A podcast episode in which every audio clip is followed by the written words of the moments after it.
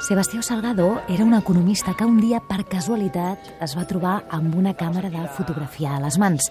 I així, provant, provant, com qui no vol la cosa, ha arribat fins aquí, a 2014, sent una màxima autoritat, una eminència de la fotografia que ha treballat cobrint conflictes, però ara ja des de fa molts anys, amb els seus projectes personals.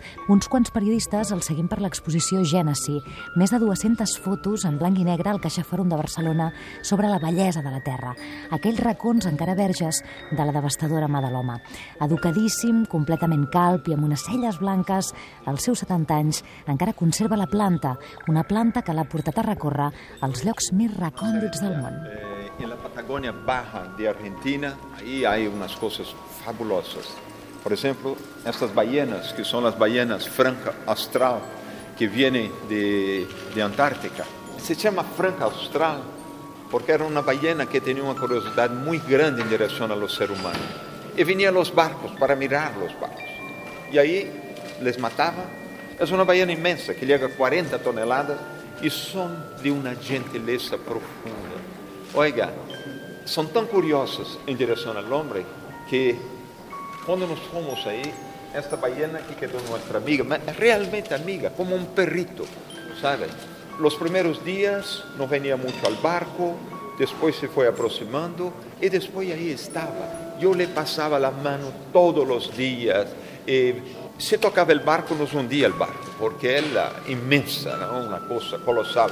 Entonces, por aquí tenemos algunas de estas fotografías. Yo he querido trabajar, hacer mi primera viaje en Galápagos para intentar comprender lo que ha comprendido Darwin.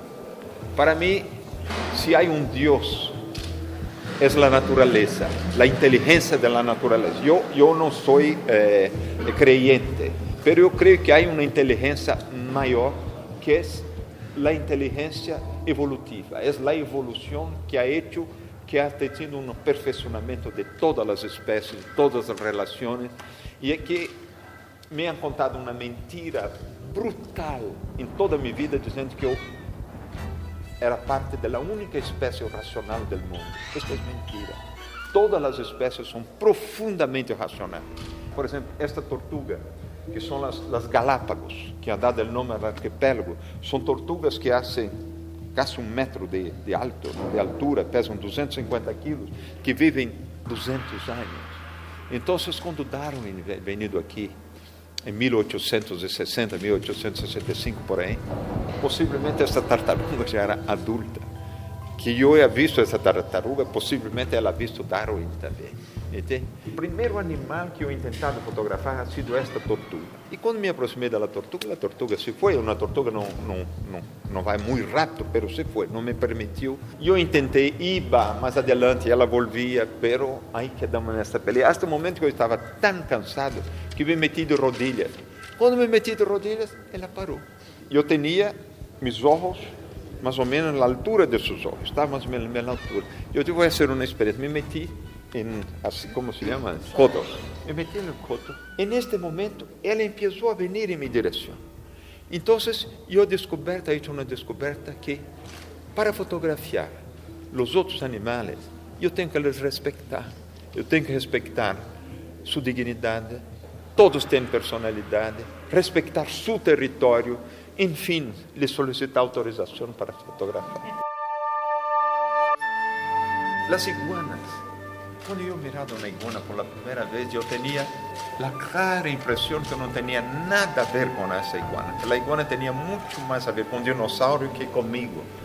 Então, um momento eu tomei uma macro, uma objetiva macro, eu trabalhava com câmera de médio formato para fotografar esta pata desta iguana e que eu mirei que todo que tem nesta pata da iguana eu tenho aqui em minha mão que para mim era muito mais a mano de um guerreiro de idade média, com suas botas de maia, com suas proteções metálicas, que outra coisa. E eu comecei a imaginar, eu vi que esta iguana é minha prima. Aqui me passou uma coisa também muito interessante com este jovem gorila. Os gorilas não se podem aproximar muito, mas eles podem chegar muito cerca de ti. E quando vem visitar um gorila, tu vem visitar uma família. Hay que respetar cuando viene el señor que es el chef de la familia. hay que le bajar la, la cabeza, no hay que le mirar, los ojos, porque mirar en sus ojos significa un desafío. Y hay que ofrecer esta parte de la cervical, porque ellos saben que si atingir con fuerza aquí, se rompa la, la medula e uma pessoa morre instintivamente. Então tu lhe oferece e ele te aceita. E eu estava fotografando com um trípode, e nesta época fotografava com umas Pentax de médio formato, umas câmeras grandes, e os lentes são planos. E este gorila chegou, se meteu delante de mim, e como são planos, se tu mira bem, é um espelho. E este gorila al momento ha metido el dedo en la boca, él sacó y ha metido otra vez y empezó a hacer este movimiento y empezó a descubrir que era él, él, ha reconocido su imagen. Oiga, yo me sentí tan emocionado como yo a 50 mil años, al momento que fui tomar una agua cualquier, ha visto, descubierto mi imagen de humano. Entonces yo estaba presente en un elo de evolución ahí delante de mí. Para mí ha sido una cosa así, fantástica, fabulosa.